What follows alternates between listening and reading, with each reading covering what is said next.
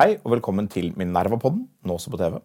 Mitt navn er Nils August Andresen. Jeg er ansvarlig redaktør i Minerva. Og med meg i studio, nå er vi i et studio, har jeg deg, Aksel Tvidstrøm, nyhetsredaktør. Velkommen. Det er første gang du sier 'velkommen til studio' hvor det ikke er løgn. Ja, det er... det eh, pleier jo å være løgn. Det pleier jo ikke å være en studio i det hele tatt. Denne gangen er vi i et studio. Vi er ikke engang på hjemmekontor. Vi er i et ordentlig studio. Det er veldig fint. Vi er ferdig med pandemien, men vi har fått et eh, nytt storting, og vi har hatt regjeringssonderinger. Og det som har skjedd denne uken, Aksel, det er at det har vært brudd i sonderingene. Fortell litt hvordan du ser på det som har skjedd. Nei, altså, Det som har skjedd, er jo at uh, Sosialistisk Venstreparti har kommet til en erkjennelse om at de ikke vil være med lenger og, og forhandle. Uh, noen er uh, overrasket av det, noen er litt mindre overrasket over det. Jeg skrev jo også, og det tok vi opp på Minerva-podden uh, sist gang, da de ikke var i studio, at jeg trodde at Jonas Gahr Støre ville, ville, klare å få til en, en sånn regjering. Men at det også du tok feil? Var, jeg, jeg tok feil, mm. men jeg, jeg tror jeg også pekte på deler av de tingene som gjør at det kanskje heller ikke ville gå. Så jeg hadde en litt åpen konklusjon. Eh, og det som har eh, spilt seg ut her, er jo egentlig at eh, Senterpartiet de eh, har satt opp en del formelle krav for å i det hele tatt kunne ha samtaler og sonderinger. Eh, hvor det har ført til at SV ikke lenger eh, vil være med. og det kunne jo spilt seg ut også på, på, andre måter, men da tror jeg at da måtte kanskje også Jonas Gahr Støre vært litt tøffere i forhandlingene med, med, med, begge parter. Altså, da måtte han virkelig insistert på det, eh, og her har det ikke blitt insistert. Og da er forhandlingssituasjonen mellom SV og Senterpartiet egentlig den at uh, hvis du tenker deg som en dumpuske, da, så er Senterpartiet mer typen en bjørn, og SV mer typen en spurv. Og med mindre noen virkelig setter seg på den andre siden av dumppusken, så balanserer det ut på den måten at eh, SV fyker ut av disse forhandlingene. Altså det du sier er at uh, Senterpartiet sitter jo med, med, nøkkelen. Det er Senterpartiet som har alternativer. SV har veldig få alternativer og har derfor lav forhandlingsstyrke. Altså det er et spørsmål, Når forhandlinger bryter sammen, så er det et spørsmål om uh, vilje og politisk avstand. Og, og, SV sier at den politiske avstanden er for stor. og det er, altså når, når viljen ikke er til stede, så er den politiske avstanden for stor. Jeg tror nok også man kan sette et spørsmål ved, ved viljen hos alle parter. altså At Senterpartiet ikke har noen veldig stor vilje, det, det, det vet vi jo. Det har de sagt. at ikke, Dette er ikke deres første alternativ. Eh, men hvis vi ser på hva SV har sagt eh, utad om årsakene til bruddet, så ser vi jo noen antydninger til at viljen ikke er sånn helt på topp. De har, de har sagt, pekt på ulikhet, som vi vet er viktig for, for SV. Klima, som vi vet er viktig for SV. og natur. Og natur er litt sånn uspesifisert. Det kan bety mange ting, men vi vet at et stridspunkt som, som, ligger der, det er jo f.eks. synet på ulven. Og da tenker jeg at hvis, hvis, ulv har vært noe av det som har vært med på å liksom, eh, stoppe dette her, da, da er viljen eh, ikke sånn superhøy. For det, hadde viljen vært veldig stor, så ville SV levd litt bedre med nederlag der. Men vi vet, ikke, vi vet, jo ikke, hva som er summen av dette, selvfølgelig, hva som har ført til bruddet. Um, men vi ser, det, det, vi ser veldig tydelig, er Senterpartiets store forhandlingsstyrke. Og så ser vi da hos Arbeiderpartiet enten en manglende vilje eller en manglende evne til å kompensere for det. SV sier at de er skuffet over Arbeiderpartiet, eh, men vi kan jo ikke helt vite hvor stor vilje Arbeiderpartiet har hatt. Men jeg tror det er ganske mange som, eh, som i hvert fall spekulerer litt i om også, vi også ser noen begynnende tegn til si, manglende sterke lederegenskaper hos Jonas Gahr Støre. Altså at han ikke, Hvis han har ønsket å ha SV med, så ville det også være mulig for ham å å trekke, eh, trekke Senterpartiet. Fordi Arbeiderpartiet har også forhandlingskort å spille i denne, i denne situasjonen. der. Men, det, men eh, det, er jo ikke sikkert at det er jo ikke sikkert at det er sånn at SVs krav har vært noe Arbeiderpartiet har ønsket å komme på. Og da strekker man seg ikke så langt. Ja, men jeg tror at Arbeiderpartiet nok helt klart ønsket, ønsket å ha, ha, med SV. Mm. Eh, og hvis du ser på eh, forhandlingsløpet, så er jo det interessante er jo det Senterpartiet har startet opp med denne her. ok, Før vi kan ha substansielle samtaler og dialog som vi skal forhandle om, så skal vi liksom først komme med noen sånne initielle avklaringer. da. Og dette er veldig sånn klassisk forhandlingsteknisk måte å gå frem for å få et, for å få et brudd på. Å sette opp en del typer premisser hvor eh, det egentlig er klart at den andre parten må komme med store innrømmelser først mm. før den kan få uh, noe den vil ha etterpå. Før den kanskje kan få, før den kanskje kan få noe etterpå. Mm. Uh, og jeg husker når jeg, uh, jeg har jo tidligere jobbet som rådgiver for Høyre i bystyret, og da husker jeg vi forhandlet med, med Carl I. Hagen om budsjettet et par ganger. og det de gangene det var veldig klart at han liksom ikke ville at forhandlingene skulle rykke, så la han det akkurat opp på den måten. Ja, vi kan godt forhandle om budsjettet og sånn, men før vi i det hele tatt gidder å snakke om tallene i budsjettet, skal vi ha noen initielle avklaringer. Hvor målet er at de initielle avklaringene er umulig. Eh, og følgelig så liksom, er det meningen at det, det skal havarere. Og så er, vil jo de ulike partene alltid ha litt sine egne forklaringer, også eksternt. da. Så det er vanskelig å vite eh, når SV sier at det er grunnen til at dette ikke går er si f.eks. natur, da, eh, så er det jo vanskelig å vite hvorvidt det, det er, er, er den Absolutt. egentlige årsaken. Men det er nok også en, en, eh, en sum av ting. Og også måten de har, da kanskje også føler seg behandlet på. da, For denne måten med initielle avklaringer eh, Med mindre da si Jonas Gahr Støre virkelig liksom går inn for å si, liksom brekke armen på Senterpartiet litt, grann, så er det vanskelig å se for seg at SV selv har forhandlingsstyrken til å komme ut av en sånn situasjon på en måte hvor de er fornøyde. da. Det var på noe det Erna Solberg var veldig opptatt av i firepartiregjeringen. Det var på en måte hele tiden å prøve å, sørge for kan man diskutere om det gikk, men hele tiden å sørge for at alle partiene skulle få noe igjen for å være i regjering, eller for å være en del av regjeringsgrunnlaget. Det lå veldig tungt som premiss. Granavolden og, de ulike erklæringene som kom eh, i forrige regjeringsperiode. Eh, og det kan jo se ut som Jonas Gahr Støre ikke har hatt viljen eller evnen til å gjøre det her. og Så får vi se hvordan det samarbeidet da går i Stortinget. Men jeg vil litt videre, Aksel. altså jeg synes Noe av det som er interessant eh, med dette bruddet, er at det illustrerer jo på en måte noe mye mer overordnet. Eh, nemlig det illustrerer Senterpartiets strategiske styrke på Stortinget. Som det som er eh, det de facto vippepartiet på Stortinget. Og, selv om det ikke denne gangen var noen realisme i at Senterpartiet faktisk skulle bytte side, så er det på en måte den implisitte trusselen Senterpartiet har om å i og for seg kunne felle enhver regjering og kunne bidra til opprettelsen av enhver regjering i en, i en gitt situasjon. eh, Som gir dem denne, denne strategiske tyngden. Og det er litt sånn, eh, nå er Senterpartiet er et naturlig regjeringsparti og har vært mye i regjering i Norge. De har vært, eh, hvis vi ser på den perioden etter at Arbeiderpartiet mistet sitt rene flertall i 1961, og så er det for 60 år siden, så har Senterpartiet sittet i regjering i 22 år, eh, som er rett bak Høyre eh, på 24 og bak Arbeiderpartiet på 32. Etter denne mm, regjeringsperioden så vil det jo da gå forbi Høyre i antall år i regjering. Eh, sittet i regjering i i 37% av tiden. Og det, er jo, det viser at det er et naturlig regjeringsparti. Det viser litt av denne styrken. Men det viser også Jeg, jeg, er ikke sikker på om Senterpartiet er fornøyd med den med 37% Hvis du ser til eh, et land man kunne sammenligne seg med, eh, Finland, så, har Senterpartiet sittet i regjering i 80 av de siste 102 årene etter, at, eh, etter det første parlamentsvalget i et uavhengig Finland i 1919. De har sittet i regjering nesten hele tiden. Og de få gangene de ikke har sittet i regjering, så har det ofte vært, eh, sam, det vært samarbeid mellom eh, det finske Arbeiderpartiet og det finske Høyre, Samlingspartiet, eh, over hodet på Senterpartiet. Det har vært når de har vært virkelig lei av eh, Senterpartiet.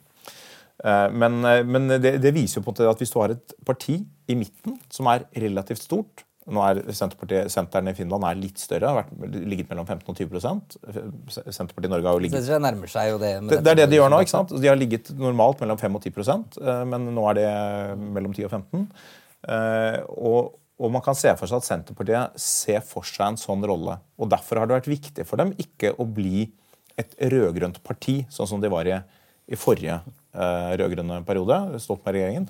Da ble de et rød-grønt parti. De ble oppfattet som et rød-grønt parti. Eh, og det gjorde dem eh, smalere, mindre attraktive og ga dem mindre forhandlingsmakt og mindre manøvreringsrom. Både på kort sikt i Stortinget og på lang sikt strategisk. Så, så det de gjør ved å nå få ut SV, som var deres mål hele tiden, og som de nå har lykkes med, det er at de, en, de åpner opp for at man i løpet av stortingsperioden i teorien kan inngå et budsjettsamarbeid eller andre viktige samarbeider over blokkgrensen, i hvert fall sier vi ett budsjett, f.eks. Enten det er med Venstre og KrF, som vil gi et flertall, eller det er med Høyre eller det er med Fremskrittspartiet, så ville det være mulig å få til. Fremskrittspartiet og Høyre er nok ikke veldig sannsynlig, men, men, men mandatene ligger i hvert fall der. Eh, Det kunne man få til, og på lang sikt så kunne man strategisk sette seg i en situasjon der man ikke trenger å si hvilken regjering man vil støtte før neste valg. Man ser på valgresultatet, og så er det man sier til velgerne at Senterpartiet kommer til å være på vippen. Vi går i regjering uansett. Og så Man vil kanskje peke i en eller annen retning, men, men man vil se hvor valgresultatet går. Og så vil man uansett være, være en del av regjering. Og man kunne ha, ha en sånn eh, en brand da, som sier at med Senterpartiet i regjering så garanterer vi at det ikke blir noe spinnville gale-Mathias-greier på fløyene. Og, og vi, jo sterkere vi blir, jo mer sikrer vi at det blir et liksom solid, eh, solid opplegg. Pluss eh, masse penger til bøndene, selvfølgelig. Ja, for det, jeg, altså, jeg tror at det, de, den posisjonen de nå har tatt, den er veldig veldig attraktiv for det partiet. Fordi eh, altså En ting er at de får en del velgere som er, liksom er deres kjernevelgere. Altså si at Det er liksom en del eh, offentlig sektorarbeidsplasser i distriktene. Eh, det er en del verdikonservative i distriktene. Det er eh, bøndene, som liksom er partiet opprinnelig, primærnæring som partiet opprinnelig spiller ut av. Men de får også nå denne elementet at vi er garantisten mot radikal innflytelse i politikken.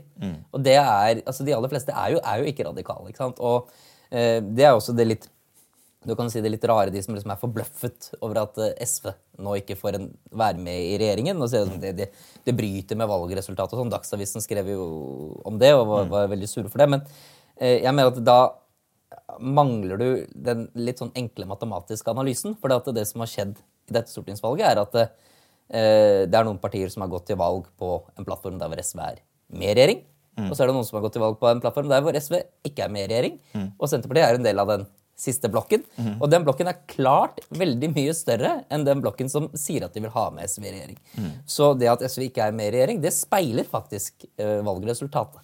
Og de gangene hvor SV var med i regjering, så var det fordi at de partiene som hadde uttalt før valget at de ønsket å lage en regjering med SV, hadde flertall. Nå er ikke det lenger tilfellet, fordi at Senterpartiet har tatt en, en annen posisjon. En posisjon som ligger lenger til høyre i det politiske landskapet. Og som også er en del av grunnen til at selvfølgelig at Senterpartiet blir så mye større, Større parti. Fordi at det er en mer attraktiv posisjon for velgerne. Og det at Senterpartiet ikke ønsker å gi bort den posisjonen, men heller sementere seg i den posisjonen som jo har brakt dem dette veldig lukrative valgresultatet. Ja, selvfølgelig, selvfølgelig vil de det. Og skulle Jonas Gahr Støre fått til noe annet enn det, så måtte han virkelig gått inn for å brekke armen på Senterpartiet. Så da måtte han sagt eh, vet dere hva, hvis dere ikke vil ha med SV, da vil vi heller regjere alene. Nei, han måtte vil- absolutt sagt det. Det, det, det, det kunne han sagt, men da ville han jo også fått et eh, kjempestort problem, fordi at eh, Senterpartiet, Høyre og Frp for eksempel, har jo da flertall i Stortinget. Så ville han hele tiden levd med en slags trussel om å Ja, kunne bli felt. altså, dette er en type trussel som er, Hadde trusselen blitt realisert, hadde Støre dannet regjering alene, så ville han fått en kattepinne. Men hadde trusselen bare blitt en trussel og Senterpartiet gitt seg, så hadde det jo fungert eh, ganske godt. Ja, men det er- det er vanskelig å si hva er Senterpartiet da si ville hva det, gjort. hva Ja. det hadde gjort. Men det er sånn, bare for å ta matematikken, det er jo det som du, som du sa, det er 97 eller 96 mandater som har gått til valg på ikke-SV-regjering. Jeg er usikker på pasientfokus, eh, så 6 eller 97. Så det er ganske stort flertall som da ikke har gått inn for, eh, for SV i regjering. Men det, er, men det, er en, eh, det, er, det er jo interessant, for dette og Senterpartiet ønsker jeg å ha en, ha en sånn politikk hvor de er det naturlige midt, midtpunktet, naturlig kingmaker, naturlige vippepartiet. Den moderate stemmen i en verden med kaos og ekstremisme. Eh, Selvfølgelig er det da ikke i Arbeiderpartiet og Høyres, Arbeiderpartiet og Høyres interesse. De har en interesse av å ha tydeligere blokkalternativer eh, med et mindre Senterparti, der hvor, de har en enklere forhandlingssituasjon. Eh, og, det, og det, er en sånn interessant strategisk kamp som man kan kanskje se spille seg litt ut de neste årene, stortingsperioden, og se hvordan det, eh, hvordan det landskapet blir. Eh, ulempen med Høyre, med, med Senterpartiet som et sånt parti, eller en utfordring for Senterpartiet en sånn posisjon, er at det er, et, i Norge i hvert fall har vært et ganske eh, reformmotvillig parti. Eh, og det betyr at det vil, Hvis Senterpartiet sitter veldig lenge i regjering med veldig stor forhandlingsmakt, så vil det skje ganske lite. Og det, det kan jo være greit. Nå er det mye reformtretthet i samfunnet. Det, det er ikke sikkert det er så upopulært. Men på sikt så vil det være ting som trenger gjøres, som, som kanskje krever, krever noe annet. da. Og, vil, og Det er de periodene hvor Senterpartiet vil bli spilt ut. Nå har det jo vært perioder i norsk eh, politikk hvor Senterpartiet ikke er på vippen. Eh, siden 1961 så er det tre perioder med rødt flertall uten Senterpartiet, og tre perioder med blått flertall uten Senterpartiet, da, inkludert de siste, siste to. Og så Avhengig av hvordan man plasserer Senterpartiet, for Senterpartiet kunne jo dannet flertall med Høyre og Frp i de to foregående periodene, hvis de hadde ønsket det. Eh, Så det kommer an på hvordan de plasserer seg. Men det jeg tror er en av de spennende tingene å se i norsk politikk altså det neste tiåret. Eh, Det vil jo ta et valg og et valg til for å liksom se hvordan dette spiller seg ut. Men det er om Senterpartiet nå er liksom i ferd med å finne en ny rolle der de får denne posisjonen. Det er avhengig av at de har en viss størrelse. det er mye mer naturlig for dem å, å tenke på denne rollen når de er på 15 enn når de er på 5% som de var, eh, var, i, 20, var i 2013.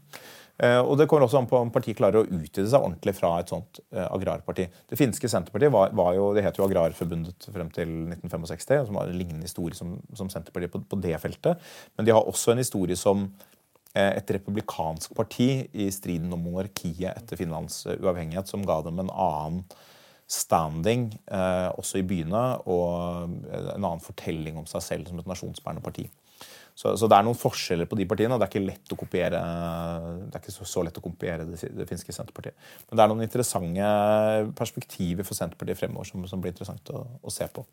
Men du, vi går litt videre, Aksel. Jeg vil gjerne tilbake til det du sa med eh, mange som tenker at eh, valgresultatet peker på SV. Det er så, så rødt storting. og og sånn, så sier vi at det er 97 mandater som tross alt ikke har gått til det. Men eh, hvordan tenker du om dette? Er dette et, eh, er dette et tydelig signal om et rødere Norge, eller er det, er det, ikke det? Det er, sånn, eh, det er liksom kampen om narrativet eh, for tiden. Hvor, hvor, står du her?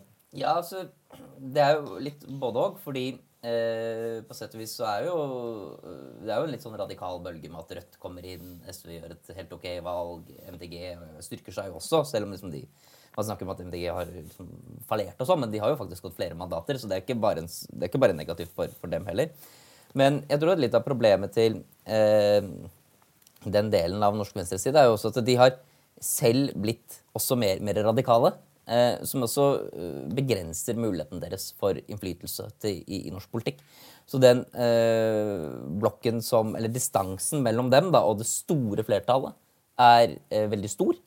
Eh, og derfor, selv om denne blokken blir større, så er dette en blokk som kanskje heller liksom vil, vil bo i telt da, uten, enn å være med og, og, og, styre.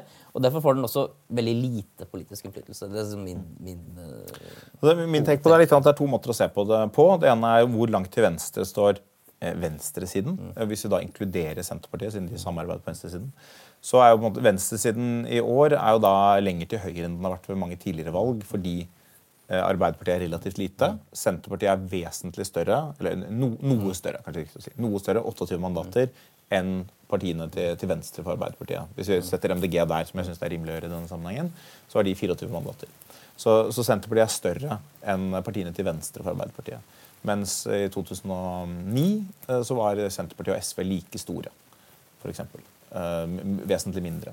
Hvis du sammenligner, også, ja, hvis du sammenligner med, med, valgene i, i, 2005, og 2000, hvor SV var større enn Senterpartiet, uh, og 2009, så hadde jo et vesentlig større Arbeiderparti. Uh, og Arbeiderpartiet ligger jo vesentlig venstre for, for Senterpartiet. så litt av hvordan du regner, så jeg syns det er rimelig å si at samlet sett så ligger ikke Stortinget selv, selv om det er mye flere mandater på siden den brede venstresiden, inkludert Senterpartiet, så er det ikke noe større venstreorientert segment Eh, enn det var i 2005 og 2009.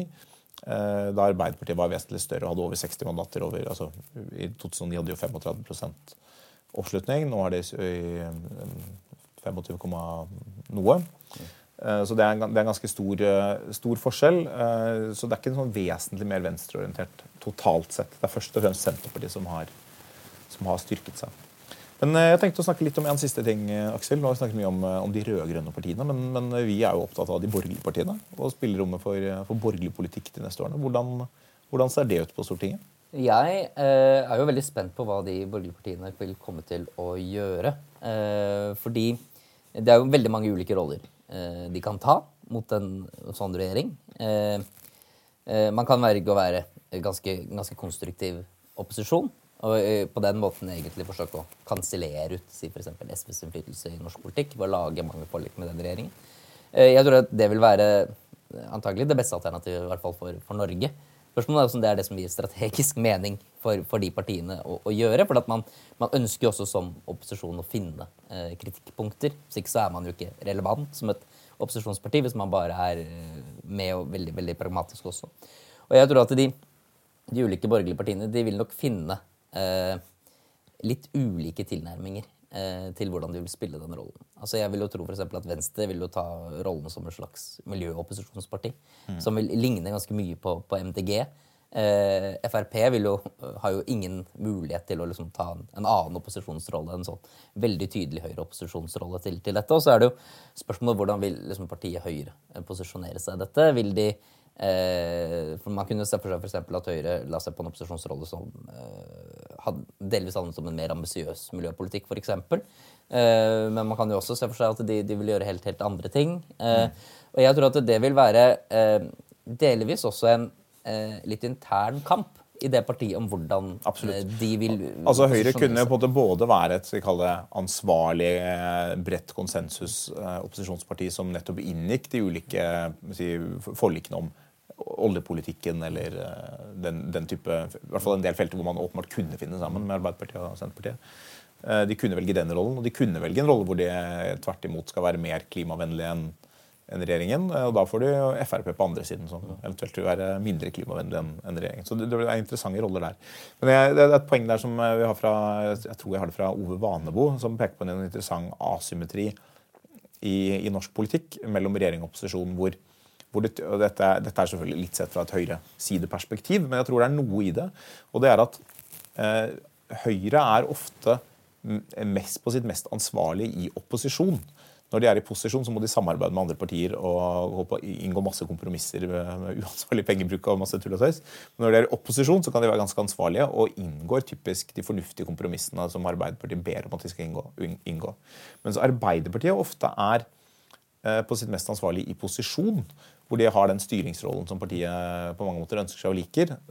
Det, kan, det kan være vanskelig for dem når det er en sterk venstreopposisjon, men, men det har ofte vært sånn. Mens når de er i opposisjon, så er de veldig vanskelig å inngå kompromisser med ofte. Eh, Og de stemmer ofte mot i, i, i opposisjon ting de er for når de sitter i regjering. Av typen som kommunereformer, sykehusreformer, politireformer, den type ting. Man, man- kan jo diskutere om de er ansvarlige eller ikke, de reformene, men det er, det er i hvert fall en asymmetri der Arbeiderpartiet ofte, oftere er imot ting eh, i opposisjon, ting de er for i regjering. Eh, og Det er jo, det, det, antyder jo da en, en triste konklusjon på det. At det er, jo, det er en fordel med Arbeiderpartiet i regjering. At da har du en ansvarlig posisjon og en ansvarlig opposisjon samtidig. Eh, Men det skaper også strategiske utføringsøvelser for Høyre. Hvordan skal de finne, finne sin rolle for å være et eh, opposisjonsparti som peker ut en tydelig alternativ retning? Så jeg tenker at For borgerlig side så vil det på en måte være to separate spørsmål som må løse i denne perioden. Det ene er å ha et strategisk arbeid for å faktisk finne en ny retning, og finne ut hva en konservativ opposisjon er eh, i dagens samfunn. Og den andre er å finne ut hvilken rolle man skal spille på Stortinget for å markere eh, både at man er opposisjon, men også at man er en ansvarlig samarbeidspartner. Det som er utfordringen for, for hele opposisjonen, men ikke minst for borgerlig side, er at denne regjeringen, selv om det er en mindretallsregjering som, som kommer til å da eh, føre mange saker inn i Stortinget, mange saker må avgjøres i Stortinget, eh, så er det veldig lite manøvreringsrom for opposisjonen. Det, er- det fins nesten ingen tenkelige flertall mot denne regjeringen, fordi eh, de, du må ha med deg eh, for, å få flertall mot, så må, må du ha med deg alle partier. Eh, litt avhengig av hvordan det er med dette pasientfokus. Da. La, oss, bare ta, et eksempel. Hvis du har Fremskrittspartiet, Høyre, Venstre, KrF, SV og MDG, som alle ikke er i regjering, da har du 84 mandater. Så må du ha enten Pasientfokus eller Rødt. Enten pasientfokus eller rødt. Så hvis du har med deg pasientfokus, så, så kan du påføre regjeringen noen nederlag. Og det er jo sånn, det er jo det vi har sett nå under Solberg-regjeringen. Har vi sett mye sånn stortingsgjengeri hvor, eh, hvor eh, koronatiltak har blitt stemt inn liksom nesten uten utredning. Milliarder av kroner er kastet ut gjennom denne firerbanden av eh, SV, Arbeiderpartiet, eh, Senterpartiet og Frp, som har styrt som et flertall mot regjeringen. Og det, Sånn kan man ikke leve over lang tid som regjering med den type flertall mot seg. Eh, Men denne type flertall finnes det veldig lite av her. De, jeg prøv, jeg prøv, vi, snakket litt om det før sending, Aksel. Prøvde å finne eh, hvilke saker er det teoretisk mulig å liksom påføre regjeringen nederlag i, annet enn sånne type Kings Bay-saker, hvor hele opposisjonen er mot fordi har gjort noe formelt feil. Men, men, eller gjort noe, noe helt uansvarlig. Eh, Men ellers er det sånn Hvis de gikk inn for å bygge en stor industrifabrikk som forurenset masse på Vestlandet, da ville den borgerlige opposisjonen kunne være mot. Da ville SV kunne være mot, og MDG kunne være mot fordi det var klimafiendtlig. Og Pasientfokus kunne være mot fordi det var på Vestlandet og ikke i Nord-Norge. Mens Rødt ville være for fordi de er glad i all, all, all ufornuftig pengebruk på statlig industri. Men det holder ikke, da. Da Det- mangler de den. Men hvis de også bygger et sykehus i Alta, Da da, vil det- da vil det kunne gå. Da vil det nok gå gjennom. Men, Men, men, i klim, klimaspørsmål for eksempel, så er det umulig å danne flertall mot regjeringen. Eh, De aller fleste spørsmål så vil du Det vil ikke finnes saker der du har med deg både Frp og MDG. Eller både Frp og Rødt. Altså det vil de sakene vil være så få at det ikke er, er meningsfullt som en opposisjon til Så konklusjonen er at dette egentlig er en ganske, ganske styringsdyktig regjering. Veldig Altså, styringsdyktig altså, regjering. ja, man, kan, man kan jo sammenligne med, med Erna Solbergs periode, for det var jo en enorm mengde i sånne anmodningsvedtak. Altså hvor Stortinget har gått sammen og anmoder regjeringen om å gjøre ditten eller eh, datten. Og da er jo Ernas tilnærming til det var jo bare at ja, men da mener også regjeringen det. Eh, så regjeringen mener til enhver tid det Stortinget mener, og mm. så har ikke pos posisjonspartiene egentlig så stor innflytelse på hva Stortinget mener, så man blir liksom Man, man drifter litt. Man drifter. Men denne regjeringen har eh, Det skal ganske mye til å generere masse anmodningsvedtak mot dem. Altså noe vil det jo bli, men det vil nok være i av mer sånn eh, Riksrevisjonens ungdomsfylkning-type Ja, vedtak. definitivt. Eh, kan dere sette i gang en evaluering av det her? Altså jeg tror Regjeringen vil jo likevel måtte forhandle i Stortinget. Den vil måtte gi konsesjoner til alle enkeltpartiene i Stortinget når den, når den velger hvem den skal, forhandle, hvem den skal få flertall med. Så må den gi noe for at den skal gå til dem og ikke noen andre. Men regjeringen er på en måte monopsonist, om du vil. eh, Og det er, det er spot-konkurranse på stortingsmarkedet. Alle partiene kan tilby samarbeid til regjeringen. De har flertall med Frp alene, med Høyre alene, med Venstre og KrF sammen, med, MDG, eh, med SV alene, med MDG og Rødt sammen. Eller en hvilken som helst annen kombinasjon av disse partiene. Eller med, eller med Venstre eller Rødt pluss Pasientfokus. Det kan også være en konsentrasjon som gir 85. Så, så regjeringen har veldig mange muligheter å spille på. og Det er stor konkurranse sånn sett, så de, de må ikke gi nødvendigvis veldig mye, men de vil måtte gi ting i forhandlinger for å få gjennom budsjettet. Ja, men sånn. de kan velge hvem de vil kan gi det til. De kan velge Ja. hvem de vil gi det til, og da, dermed vil de også gi mindre enn de ellers ville måttet gi. Så, det- den følgelige konklusjonen er at det kanskje også vil fortsette å være gnisninger internt i denne regjeringen om akkurat hvem som er den foretrukne samarbeidspartneren Ja. i, i ulike saker. Og det er jo en, en, en veldig vanlig type konflikt internt i partier. For at det, internt i et politisk parti så ser jo ofte de som er der, på de andre partiene som liksom sånn livbøyer for, Ja. for, for sin egen sak. Ikke sant? Så venstresiden i Arbeiderpartiet vil jo alltid foretrekke for å samarbeide med SV, for at det forankrer politikken i et bestemt tyngdepunkt. Mens uh, antagelig høyresiden i Senterpartiet vil ha den diametralt motsatte tilnærmingen. Og følgelig så vil man jo da uh, se denne dynamikken egentlig som nå har spilt seg ut på Hurdal, hvor SV ikke lenger er med. Det. Altså Dette er bare starten på en sånn dynamikk og krangel egentlig tror jeg internt i denne regjeringen om hvordan de skal posisjonere seg. Absolutt. En siste, Vi skal avrunde snart, Aksel, men en siste liksom usikkerhet er hvor, hvor lett det blir for denne regjeringen å samarbeide mot Høyre. Eh, Og Det avhenger dels av hva Arbeiderpartiet godtar. Altså Godtar man budsjettforlik overhodet? Godtar man tanken om budsjettforlik med KrF og Venstre? Det var jo Støre åpen for da han flørtet med Hareide i sin tid. Men, men eh, det er ikke sikkert det er det nå lenger. Og da er det ikke sikkert eh, Senterpartiet kan presse gjennom det. Og Det, det, det styrker jo SVs forhandlingsmakt og, og reduserer handlingsrommet til regjeringen. Uh, og det andre er hvor villige de borgerlige partiene er. Uh, eller hvor, hvor villige de selger seg. å si. Om, om de, blir de med i denne konkurransen uh, som en spotmarkedskonkurranse, eller gjør de ikke det. Det vil også styrke forhandlingssiden til, til SV, og sånn sett si, ikke være i, i høyresidens kortsiktige eh, interesse i form av hvilken politikk som føres, men det kan være i deres langsiktige interesse ved at man nettopp plasserer Senterpartiet tydeligere på venstresiden og motvirker det som jeg snakket om i sted, med at Senterpartiet blir det, blir det naturlige nye styringspartiet i sentrum. Så det, det er- oppsummerer litt hva vi har snakket om. Altså det er jo Senterpartiet vokser frem med en ny potensiell rolle som de har vist nå gjennom bruddet i disse sonderingene, hvor Senterpartiet ønsker å ta en rolle i sentrum av norsk politikk eh, som en stor maktfaktor som kan diktere dagsorden og regjeringskonstellasjoner. Og egentlig så har Senterpartiet gjenoppfunnet sentrum norsk politikk. ja, gjenoppfunnet, Fordi det eh, det, det var jo borte i en periode hvor det var veldig tydelige Ja, ja. blokkskiller, og nå har de gjenoppfunnet sentrum i norsk politikk. Antagelig eh, tror jeg det er en veldig fornuftig strategisk posisjon for Senterpartiet å, å ta. Og Det er de, det utvilsomt. Og, og, og de, de kommer til å, å lykkes med det, med mindre de liksom blir eh, snubler litt i egne ben, eller uh... Ja, altså, jeg, jeg, altså, det er interessant å se. Jeg, jeg, det, er, uten tvil en, en fornuftig ambisjon for partiet. Og så blir det spennende å se om det lykkes. Altså, Sentrum hadde jo en sånn posisjon fra 97 til 2001. De hadde det jo delvis uh, før EU-avstemningen i 73, hvor sentrum eh, hadde sentrumsregjeringer, og, og hvor man hadde en veldig tydelig tanke om sentrum som noe annet enn, de, enn blokkene. Og sentrum har alltid interesse av å, å minske blokkinndelingen i en viss forstand. Men tidligere har det jo gått tilbake igjen, og det som kunne eh, sette en slutt for det denne gangen, vil jo være om eh, en del av Senterpartiets nye velgere blir skuffet over Senterpartiet, eller, om, eller om de blir dratt lenger mot venstre enn de ønsker likevel. Og eh, om eh, man da får et mindre Senterparti med en tydeligere blokkdeling senere. Så det blir spennende å se. Så blir det spennende å se dette rødeste Stortinget i, i historien, eh, som ikke er så rødt likevel, hva som skjer med venstresiden, hvordan den opplever eh, opplever at den har blitt satt, satt litt på gangen.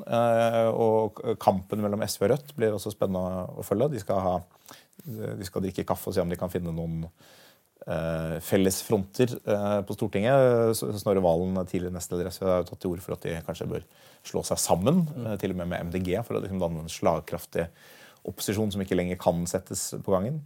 Og til slutt blir det spennende å se hvordan de borgerlige eh, håndterer en ganske krevende opposisjonsrolle med, med relativt lite spillerom. Eh, Hvor de fire partiene også er egentlig litt ulike strategiske posisjoner. Om, om de i det hele tatt klarer å finne en fornuftig opposisjonsrolle og samtidig bygge et nytt eh, borgerlig prosjekt som kan være, eh, være et troverdig alternativ ved, ved en senere. Det er så langt jeg tror vi kom i dag, Aksel. Ja, men det var hyggelig. Her på første var fjernsyn. Ja. Takk for oss.